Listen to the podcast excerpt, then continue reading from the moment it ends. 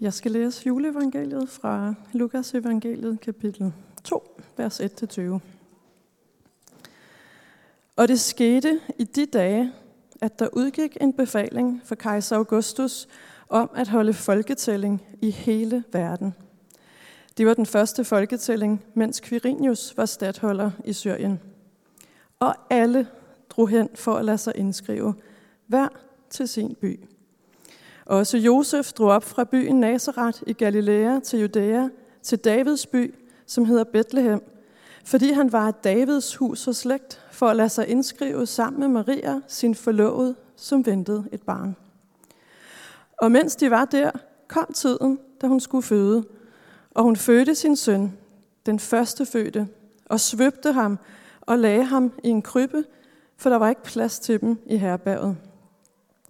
I den samme egen var der hyrder, som lå ud på marken og holdt nattevagt over deres jord. Da stod Herrens engel for dem, og Herrens herlighed strålede om dem, og de blev grebet af stor frygt. Men englen sagde til dem, frygt ikke. Se, jeg forkynder jer en stor glæde, som skal være for hele folket.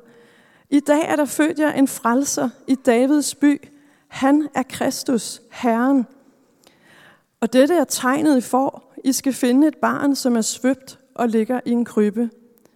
Og med et var der sammen med englen en himmelsk herskare, som lovpriste Gud og sang. Ære være Gud i det højeste og på jorden. Fred til mennesker med Guds velbehag. Og da englene havde forladt dem og var vendt tilbage til himlen, sagde hyrderne til hinanden, Lad os gå ind til Bethlehem og se det, som er sket, og som Herren har forkyndt os. De skyndte sig derhen og fandt Maria og Josef sammen med barnet, som lå i krybben. Da de havde set det, fortalte de, hvad der var blevet sagt til dem om dette barn, og alle, der hørte det, undrede sig over, hvad hyrderne fortalte dem. Men Maria, hun gemte alle disse ord i sit hjerte og grundede over dem. Så vendte hyrderne tilbage og priste og lovede Gud for alt, hvad de havde hørt og set, sådan som det var blevet sagt til dem. Så er det sådan for alvor ved at blive jul. Jeg tror ikke, jeg er den eneste, som sådan elsker den her juletid. Øhm, med hygge og med lys, og jeg har allerede været til de tre julekoncerter og så videre. Alt det, familiesammenkomster, ekstra god mad og kager og så videre, så videre. Alt det, vi forbinder med jul. Og alt det, som vi og øh, måske især butikkerne og tv arbejder så hårdt på, skal lykkes. Nemlig, at vi kommer sådan i julestemning. Så vi finder lysene frem, og vi finder de røde svitters frem, og musakken og alle duftene, fordi vi skulle gerne nå klimakset i dag, hvor vi sådan rigtig er i julestemning. Og jeg ved ikke med jer, men det begynder jo sådan at hjælpe på dig. Nu sidder vi så her til gudstjenesten, og vi har hørt juleevangeliet læst op. Så, øh, så nu hjælper det virkelig. Men så var det, det slog mig. Hvad er det egentlig, vi har læst op? Hvad er det egentlig, vi er sammen om øh, i dag? Jeg tror jo, at øh, når vi sådan hører juleevangeliet, så er der mange af os, som sådan tænker øh, på, øh, på øh, på julemanden, som tager som barnet op på skødet, og så begynder han at fortælle julehistorie. Men det skete i de dage, og man hører næsten ikke, hvad der foregår, fordi man er sådan øh, allerede inde i det der øh, juleromantik. Og det lyder jo meget hyggeligt. Det er bare ikke det, juleevangeliet er. Det er ikke sådan en hyggelig julehistorie, som sådan skal slå tonen an. Da jeg sådan har læst den her, det her juleevangelium øh, mange gange i forbindelse med, med i dag, så, så synes jeg faktisk, at det passer bedre ind med tv-avisen. Øh, datidens tv-avis. Men ikke desto mindre, så er det tv-avisen, det mere handler om. Der er jo sådan set ikke meget julestemning over den her beretning, som vi har lyttet til, og som er grunden til, at vi sidder her i dag. Der er helt nøjagtige øh, tidsangivelser, der er historiske personer, der er forklaringer om rejseruter. Øhm, der er faktisk ikke noget varmt og hyggeligt skær over den her beretning. Der er en imperialistisk kejser, som beslutter, at nu skal der altså øh, øh, tælles op, så folk skal flytte sig rundt i landet. Og det par, som vi følger, da de så kommer øh, med møje og besvær hen til, til det sted, hvor de skal være, så er der ikke engang plads til dem øh, i, i noget hotel eller herberg, så de ender i en stald. Og lige efter det, så skifter vi ud på marken, hvor der sidder sådan et par øh, øh, hvad hedder det, forfrosne hyrder i skurvognen og, og spiller kort og, og, og, og snakker om vind og vejr. Det er sådan set det, der er, er, er scenen og er beretningen og er grunden til, at det handler mere om tv-avisen. Jeg fik i hvert fald den her association til, øh, som nogle af jer måske kan huske for nogle, nogle uger siden, med de her flygtninge, som, øh, som, som øh, blev hentet over til, til, øh, til den polske grænse. Der var også sådan en tegning, at de var kommet derfra med fly, og så ned der, og så videre. Og så så vi, at de sad derude ved, ved pigtråden, ved hegnet, og det var hundekoldt, og de havde ingenting. Øh, det er sådan set mere det, det handler om, det her juleevangelium. En kold og kaotisk og meget lidt flatterende hverdag og verden for 2000 år siden i en, i en løde, jødes, lille jødisk flække, som kaldes Bethlehem. Men så er det, der sker noget, øh, og det er grunden til, at vi sidder her i dag og lytter og fejrer jul, som gør, at den her beretning ikke bare var datidens breaking news, og, øh, og, og sådan øh, skrev sig ind i Jerusalem Post og de andre, men at det er verdenshistoriens breaking news. Og det er ikke et eventyr, selvom det faktisk godt kan lyde lidt eventyrligt med de her engle og lys og, og pludselig. Det er et mirakel. Det er ikke et eventyr, det er et mirakel, og der er meget stor forskel. Og vi kan godt tænke sådan et mirakel. Ja, tænk hvis man sad ude i haven en, en, en nattetime, og pludselig så bliver der lys over det hele, og engle. Det var, det var godt nok noget af et mirakel, øh, hvis jeg fik lov til at opleve det. Men i virkeligheden så er det største mirakel faktisk det, som englene forkynder for hyrderne. Det er det allerstørste mirakel. De forkynder, at Gud har grebet ind i vores kaosverden. I vores verden med uretfærdige ledere, med flygtninge, med sygdom, med død. Ind i det mørke, ind i det kaos, der siger de, der har født jer en frelser. I det barn, som nettet, netop er kommet til verden i Bethlehem. Op til juleaften, der har vi fejret advent. Og vi har haft nogle adventsgudstjenester, som, øh, som har, har stillet skarp på det her med, at vi som kristne er et ventende folk. Vi venter på, Øh, at Messias skal komme. Hvis I ikke allerede har lyttet til prædiknerne i adventstiden, så vil jeg bare opmuntre til her i juletiden at gå ind og lytte til dem øh, øh, i forhold til det her med advent. Vi er et ventende folk. Men det, som er så fantastisk ved den her øh, juleberetning, øh, den her beretning fra, fra Bethlehem for 2000 år siden, det er, at Gud ikke kun kommer til dem, der venter på ham. Han kommer til dem, som måske mindst venter det. Ude i skurvognen på marken, der kommer han til dem, som måske ikke har gjort sig de helt store tanker om frelse og om fred med Gud. Der kommer Gud midt ind i deres hverdag, midt ind i deres liv, og så siger han, så er det nu, venner. Nu griber jeg ind i den her verden med et helt fantastisk mirakel. Og uanset om man er hyrde, eller om man er hersker, eller om man er enlig mor, eller om man er almindelig lønmodtager, så har vi brug for det englene sagde, der har født en frelser. Vi har ikke bare brug for gode råd og opmundringer. Dem er der sådan set mange af i den her verden. Men vi har brug for en frelser. Og det kræver et mirakel. Det kræver Guds mirakel i den her verden og i dit og mit liv. Englene forkynder for hyrderne og for os. Ære være Gud i det højeste og på jorden. Fred til mennesker med Guds velbehag. Hvad er det, de siger til os? Ja, for det første, så siger de jo, at Gud er stadigvæk Gud. Han er ikke bare fjern fra os i himlen og har trukket sig tilbage. Han er over det hele. Han er i himlen, han er på jorden. Og hvorfor skal han have ære og tak? Ja, det skal han, fordi han er Gud. Og så skal han det, fordi han ikke bare lader os sejle vores egen sø, men han faktisk øh, griber ind i vores verden, ind i vores liv. Han møder mennesker, han møder dig og mig for at frelse os. Derfor så råber og synger englene ud, øh, ære være Gud i det højeste og på jorden. Gud er Gud, og han har ikke mistet grebet om tingene, men han griber ind i vores verden, i vores liv. Og det er faktisk mere fantastisk, end det måske sådan lige umiddelbart lyder. Fordi det betyder, at vi er ikke overladt til os selv. Vi er ikke overladt til vores egen skæbne. Gud, han er hos os. Han kommer til os. Han er hos os med sin fred, som vi også hørt englene synge. Ikke bare sådan en hvilken som helst fred. Ikke bare sådan lige to dages julefred. Men en fred, som holder hele året, hele livet og ind i evigheden.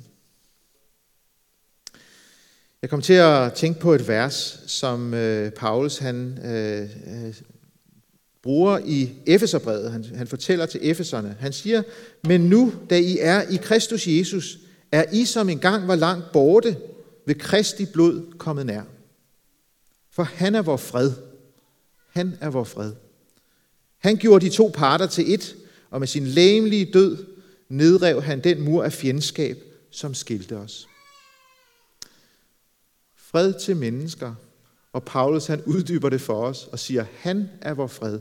Jesus, det barn, som blev født i Bethlehem, er vores fred. Han har nedrevet det, som skilte os fra Gud. Det fjendskab, som skilte os fra Gud. Vi mennesker ønsker os jo meget. Måske især herop til jul, så skal vi sådan finde ud af, hvad er det lige, jeg ønsker mig.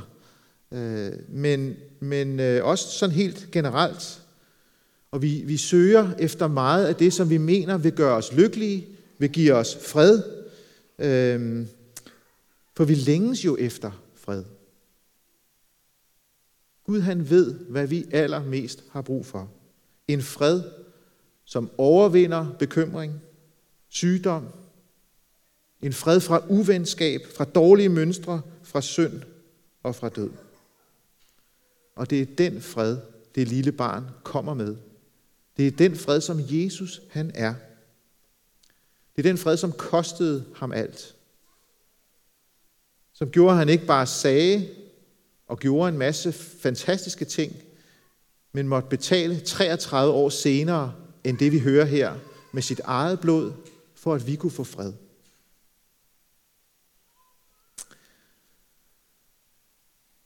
Det er interessant, og når man lægger mærke til, at det her budskab og det her mirakel, som sker, det, det, det vækker faktisk mange øh, reaktioner.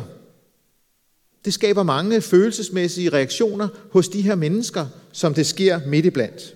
Frygt, nysgerrighed, eftertænksomhed, undren, jubel. Og jeg ved ikke, hvilken reaktion det her det budskab det skaber hos dig. Jeg ved ikke, om det skaber frygt øh, og mistro. Kan det virkelig passe? Har jeg virkelig brug for en frelser? Gælder det mig? Eller om det skaber nysgerrighed? Hmm, måske skulle jeg undersøge lidt nærmere, hvem er ham, ham Jesus? Hvad er det her for noget? Eller eftertænksomhed, som Maria, det går lige ind i hjertet. Og der begynder det bare sådan at arbejde. Jeg bliver ikke færdig med det, sådan bare lige, men jeg må grunde over det, og jeg må overveje, og jeg må reflektere over det. Eller den jubel, som hyrderne øh, fik og oplevede, det er virkelig sandt. Og det forvandler jo resten af vores liv.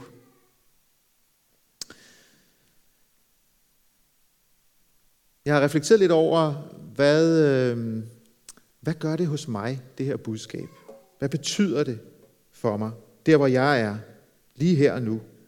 Og jeg tror, at jeg mest kan kan, refle- kan, kan relatere til det her med, med glæden og med jublen. Det her med at vide, at Gud faktisk er med mig. Jeg er ikke bare i tilfældighedernes vold, eller i mørkets vold, eller sygdommens vold, eller livets vold. Det giver faktisk en helt ufattelig hvile og fred midt i kaos. Jeg er ikke overladt til mig selv. Jeg er ikke overladt til tilfældighederne. Men Gud, han er med mig. Han har styr på situationen. Og selvom jeg bærer rundt på et noget plettet CV, og på alle mine skjulte motiver og mine sårende bemærkninger, og min egoisme og min synd, så er der ikke noget, der skiller mig fra Gud. Fordi barnet i krybben har betalt for mig. Så fjendskabet er væk. Jeg ved ikke, hvor du er henne i forhold til det her. Jeg ved ikke, om det er frygt og mistro. Hvis det er det, så lad dig udfordre. Lad dig udfordre af det her budskab. Hvis det er nyhed, nysgerrighed, så lad være med at bare lade det blive ved den her øh, juleaften, men tag et skridt for at undersøge, hvad er det her for noget? Hvis det er eftertænksomhed, så brug de kommende dage til at tænke, til at lytte. Og hvis det er glæde, så lad glæden få frit løb. Øh, lad det starte her med julesalmerne, og øh, lad det fortsætte i dit liv. Mit ønske og min bøn for os alle, det er, at vi må åbne vores hjerter, og vi må tage imod verdenshistoriens største mirakel. I dag er der født jer en frelser i Davids by. Han er Kristus, Herren. Rigtig glædelig jul. Amen. Lad os bede. Ja Gud, du fortjener en ufattelig ære og tak, fordi du ikke lod os sejle vores egen sø, men du kom til os med et mirakel. Et mirakel, som har vendt op og ned, ikke bare på verdens historie, men på vores historie, i tid og i evighed. Tak fordi du kommer midt i vores kaotiske verden og kaotiske liv, og tænder et lys, og forkynder en virkelighed og en sandhed, som langt overgår mørket. Tak fordi du ikke kun kommer til dem, der er beredte og som venter, men at du kommer til os alle. Hjælp os at gøre som hyrderne og, og slippe dig ind og undersøge og lukke vores hjerter op for dig. Det beder jeg om måske for os. Og så vil vi også på den her dag, Gud, bede dig for alle dem, som er ensomme og som er syge. Bed dig om, at du vil være nær ved dem, også i denne jul. Bed dig for dem, som pludselig har fået ændret alle deres juleplaner, som nu pludselig skal sidde alene beder dig om, at du vil tænde dit julelys hos dem. At du vil fylde deres rum med glæde og med håb. Vi beder dig for dem, som er fattige, som lider, og dem er der så mange af rundt omkring i den her verden. Vi beder om, at du vil blødgøre vores hjerter, så vi hjælper, så vi rækker ud. Vi beder om, du vil forbarme dig over os, og forbarme dig over dem, som virkelig lider. Vi vil også bede dig for de indsatte i Hersted Vester. Bed dig om, at du vil være med dem i den her tid, som er tung og mørk og hård at komme igennem. Tænd du dit lys også der. Så beder vi også og takker dig for vores udsendinge i Mongoliet og i Nordafrika og i Peru. Takker dig for, at de er med til at sprede lys steder, hvor der ikke er så mange. Beder dig om, at du vil sige dem, at du vil være nær ved, ved dem, også i den her jul. Så beder vi dig for os her i kirken, beder dig om, at du vil være med os i den her jul. Lad det gå op for os, hvilket mirakel det er, du har skabt i vores liv og verden. Beder dig for dem, som er syge, som kæmper også med corona og med, med følgerne af det. Se du i noget til dem. Og så lægger vi os selv over til dig, beder om din nåde og velsignelse ind over vores liv.